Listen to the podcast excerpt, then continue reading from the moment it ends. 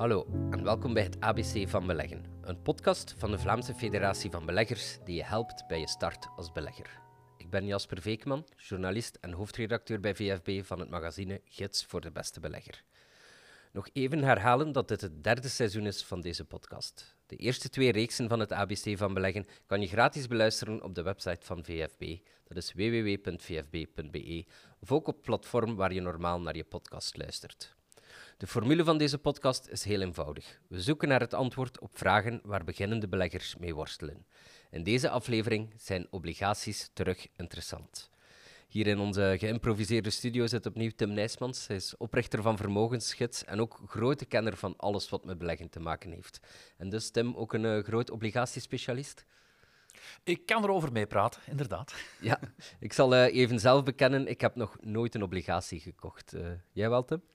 Wel, in, in betere tijden, toen de rente nog hoger was, heb ik inderdaad wel eens een keer een obligatie uh, gekocht. Um, en dat was eigenlijk wel een interessante ervaring. Um, ik moet wel toegeven dat ik uh, de obligatie niet bijgehouden heb tot uh, eindvervaldag. Ja, de eerste keer vergeet je nooit niet meer. Wat had je gekocht? Um, ik kan me zelfs niet meer exact herinneren van welk bedrijf dat het een, uh, dat het een obligatie was. Um, maar ik weet nog wel dat het een uh, eeuwigdurende obligatie was, een bankobligatie, die fel gedaald was na de financiële crisis. En dan dacht ik een koopje te doen. Ja, dacht. Ja. Uh, de vraag in deze aflevering zegt eigenlijk al veel. Hè. Zijn obligaties terug interessant? Ze zijn dat dus eigenlijk een hele tijd niet geweest. Hè. Waarom niet?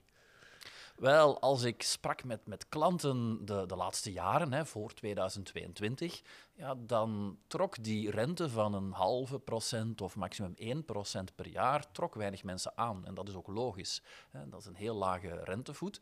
Uh, de inflatie was toen ook uh, rond de 2 procent, dus je verloor zowel koopkracht en ook het rendement was uh, zeer beperkt. Dus er zijn een aantal jaren geweest dat de obligaties niet zo interessant waren voor beleggers. Hm. Op, op staatsobligaties hè, was zelfs de, de rente negatief. Wat, wat, was er in godsnaam aan de hand? Hoe komt dat die rente op, uh, op vooral staatsobligaties dan zo laag was? Ja, men, men deed er alles aan. Hè, en eigenlijk was de bedoeling van die, van die lage en negatieve rente, men deed er alles aan om de economie terug in gang te krijgen. En men heeft dat tot, tot misschien zelfs het extreme, misschien zelfs te ver gedreven door die rente negatief te maken en op die manier mensen te, laten we zeggen, heel sterk te motiveren om hun geld aan het werk te zetten. En dat is een beetje, dat is misschien ook voor een stukje verkeerd afgelopen, hè, dit ja. beleid. In, in, de vorige aflevering hebben we het gehad hè, over de stijging van de rente. En als de rente stijgt, heeft dat ook een impact op obligaties. Nu, voor wie de vorige aflevering niet geluisterd heeft, misschien kan je toch nog eens die link tussen de rente en obligaties kort uitleggen. Ja, dus je bestaande obligaties, hè, niet de nieuwe obligaties, eh, die hebben een koers. En die koers die start, hè, die wordt in procenten uitgedrukt meestal, en die start aan 100 procent bij, wanneer je een obligatie bij uitgifte zou kopen. En dan begint die te bewegen. En wat bepaalt die koers? Dat is inderdaad heel belangrijk daarin, is de rentevoet. Want jij moet die kunnen verder verkopen aan een andere belegger, maar die gaat natuurlijk kijken naar de nieuwe obligaties. Dus als die nieuwe obligaties, zoals nu, een hogere rentevoet hebben dan de oude obligaties, ja, dan kan jij je oude obligaties maar aan een lagere koers kwijt. En dat is een wiskundige formule, die gaan we hier niet uitleggen. Hè, maar ja, weet dat er momenteel obligaties aan 90%, 80%, 70% staan. Maar op het einde komen die wel terug naar 100% als de uitgever van de obligatie terugbetaalt. Ja. Nu, we nemen deze podcast op in het voorjaar van 2023 en de rente die is nu wel degelijk terug hoger. Uh, en dus kom ik inderdaad op die logische vraag van deze, deze aflevering. Zijn obligaties terug interessant? Wel, het is de eerste keer in jaren dat ik met klanten terug spreek over obligaties. Dus ik kan inderdaad zeggen dat er terug een bepaalde interesse is in obligaties. Stel dat vandaag de dag inderdaad, in, in, de, in de vroege lente van 2023, kan je ja, rond de 3 à 4 procent op eh, euro-obligaties krijgen. En er zijn mensen die daarvoor tekenen. Die zeggen van 3 à 4 procent. We hebben jarenlang hè, een, een halve 1 procent gehad. De beurzen zijn gedaald. Mijn beleggingsfondsen zijn gedaald. Als ik nu met zekerheid 3, 4 procent kan hebben en over vijf jaar hè, heb ik met een grote mate van zekerheid mijn geld terug, ah wel, daar ga ik in investeren. Ja. Ondanks dat er lang weinig interesse geweest is, wordt er eigenlijk wel heel veel in die obligaties belegd natuurlijk. Ehm, wat veel mensen niet weten is dat die obligatiemarkten eigenlijk ook groter zijn dan de aandelenmarkten. En toch wordt er wel veel meer over die beurzen gesproken. Eh, hoe komt dat eigenlijk? Ja, de, de obligatiemarkt is inderdaad eh, enorm. En ik denk dat de reden waarom er zo weinig over uh, gesproken wordt, is dat heel veel van die obligatiemarkt door uh, professionelen, institutionelen genaamd, hè, uh, gekocht wordt. Verzekeringsmaatschappijen, pensioenfondsen, banken kopen heel veel, heel veel obligaties. Want daarmee kunnen zij met zekerheid een bepaald rendement vastklikken en gaan zij in de toekomst bijvoorbeeld een pensioen kunnen uitbetalen, een verzekering kunnen uitbetalen. En je merkt dat de obligatiemarkt gefocust is op die professionele beleggers. Want daardoor zijn er ook heel veel uh, obligaties die jammer genoeg niet te koop zijn voor particuliere beleggers. En dat is denk ik ook een tweede reden waarom er zo weinig over uh, obligaties gesproken wordt. Ja, dat brengt mij bij dus een beetje een moeilijk discussiepunt. Hè? Maar wat, wat is eigenlijk de rol van een obligatie in een portefeuille? De klassieke uh, toelichting van die, van die rol is dat dat een buffer is voor um, tegenslagen op de aandelenmarkt. Dat je een vaste rente krijgt, uh, maar dat die vaak lager ligt dan het lange termijn rendement van aandelen, maar daardoor gaat de schommeling van je portefeuille kleiner zijn en ga je dus diversifiëren, spreiden, waar we het ook al over gehad hebben in, uh, in andere podcasts, en kan je dus je risico normaal gezien verminderen van uh, je portefeuille. Omwille, een van de redenen ook, is dat in vele jaren aandelen en obligaties tegengesteld bewegen. Dus een gemengde portefeuille zou dan minder risico moeten hebben dan een portefeuille volledig in aandelen of zelfs volledig in obligaties. Ja. Kijken we eens naar die ob obligatiemarkten, dan zijn er natuurlijk veel verschillende soorten obligaties. Hè. Volgens mij, het lijkt mij dat het belangrijkste onderscheid is tussen inderdaad een obligatie die uitgegeven door landen, een staatsobligatie, en dan obligaties door bedrijven. Ja, dat is een, een heel belangrijk onderscheid. De, de government bonds, de govies, de staatsobligaties, daar kan je met een heel grote mate van zekerheid zeggen dat je je geld gaat terugkrijgen. Toch zeker als die obligatie uitgegeven is in de munt van het land. Um, dat is een heel belangrijke caveat, hè, een heel belangrijke opmerking. Ja. Stel dat je een dollarobligatie koopt van uh, Argentinië. Juist. Dat is iets minder zeker natuurlijk. Maar klassiek inderdaad zijn staatsobligaties wat veiliger, geven dan ook een iets lager rendement.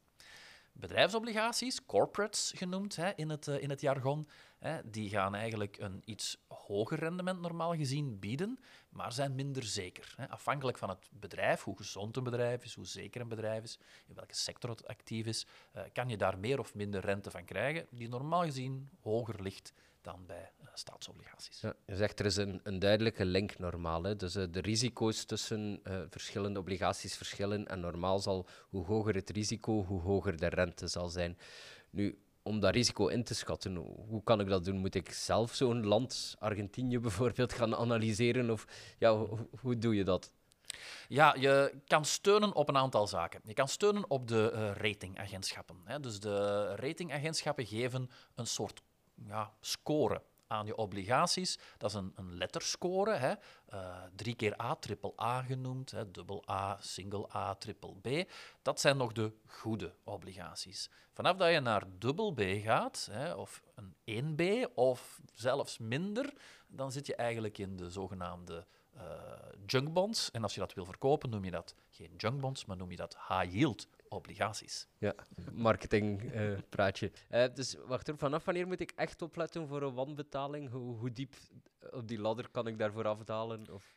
Ik zou zeggen, vanaf je uh, onder de dubbel B gaat, uh, begint het toch wel uh, het risico sterk te stijgen. En vooral die downgrades, hè, dus de, de verlagingen van die ratings, als dat aangekondigd wordt, en je merkt dat je bijvoorbeeld een obligatie gekocht hebt wanneer het een A-rating had, en je kijkt nog eens terug, en je ziet dat het ondertussen zelfs geen triple B, maar dubbel B geworden is, kan je toch wel afvragen van oei, wat, is er, wat is er aan de hand met, met dit bedrijf? Ja, zo'n zo'n rommelobligatie hè, door de, de marketingjongens dan high yield of hoogrentend genoemd, maar wel degelijk junk. Uh, ja, is dat dan nog wel veiliger dan een aandeel eigenlijk? Uh, niet altijd. Er zijn dus obligaties die veel meer risico inhouden dan een aandeel. Er zijn aan, saaie aandelen, heel voorspelbare cijfers, die een veel kleiner risico zijn dan ja, zo'n junkbond, waar dat je niet van weet of dat je eigenlijk überhaupt wel een terugbetaling gaat krijgen van je geld. Wat, wat bepaalt nog meer het risico buiten de kans op een wanbetaling of een, een faillissement? eh? Dus de looptijd is ook enorm belangrijk. De looptijd van een obligatie wordt onderschat. Hè. Ehm, en dat heeft te maken met die rentestijgingen en dalingen. Als je je vastklikt voor een heel lange periode, stel dat je een 20-jarige obligatie koopt en je klikt je vast, stel in 2021 voor 1%, 20 jaar. En nu kan je voor diezelfde obligaties, stel dat er een nieuwe obligatie wordt uitgegeven, misschien 4% krijgen. Dat betekent dat je 3% per jaar, 20 jaar aan een stuk, minder rendement krijgt. Dus een lange looptijd zorgt dus voor een grotere daling van de koers, omdat dat moet verrekend worden in die koers. Terwijl een korte looptijd, ja, als je dan verkeerd zit, stel je had een lening aangegaan voor twee jaar aan 1%, dan komt dat zelfs goed uit, want dan ga je nu een nieuwe lening aangaan voor een veel hogere rente. Dus een looptijd is een tweede heel belangrijk element. En in het financiële jargon, hè, als je ooit de term duration hoort, hè, dat is eh, een chique term om eh, looptijd hè, te beschrijven. Ja. Tot slot, eh, ja, dat heeft wat gelinkt aan die looptijd. Hè. Moet ik er eigenlijk anders naar obligaties kijken eh, als ik van plan ben om ze bij te houden tot het einde van die looptijd? Of als ik van plan ben om ze te verkopen? Dat is, dat is een andere manier van naar die obligaties te kijken. Ja? Ja, ja dat, dat is waar. Hè. Als je zegt van ik ga tijdelijk profiteren van een koersbeweging, hè, dan ga je een klein beetje richting eh, trading opschuiven. Hè. Ga je zeggen van ik koop die nu om die later terug te verkopen. Als je inderdaad zegt een beetje buy and hold, hè, of houden tot maturity, hè, als noemen ze dat in het Engels, dan ga je natuurlijk meer een langere termijnvisie hebben en ga je zeggen van oké, ik ben nu zeker van dat rendement, daarmee ben ik tevreden. Want als je zegt ik ga kopen en terug verkopen, ben je weer niet zeker van het rendement. Want dan verwacht je een bepaalde koersbeweging, maar of die er komt, dat weet je niet met zekerheid. Merci Tim. Aan het einde van elke aflevering overlopen we ook altijd nog eens een, een aantal zaken die we besproken hebben. Ehm, door de historisch lage rente was het de jarenlang weinig interessant om in obligaties te beleggen. Het belangrijkste gevaar is dat een bedrijf of overheid zijn schulden niet kan terugbetalen en daarom moet je opletten voor zogenaamde rommelobligaties. En door de hogere rente zijn obligaties terug interessanter, zeker in vergelijking met die voorbije jaren. Tim, eh heb je daar nog iets op toe te voegen? Eigenlijk niet. Oké, dan rest mij enkel nog te zeggen dat we de volgende keer weer ingaan op een belangrijke vraag voor beginnende beleggers. Is het al goud dat blinkt? Meer informatie over beginnen met beleggen vind je op onze website, dat is www.vfb.be.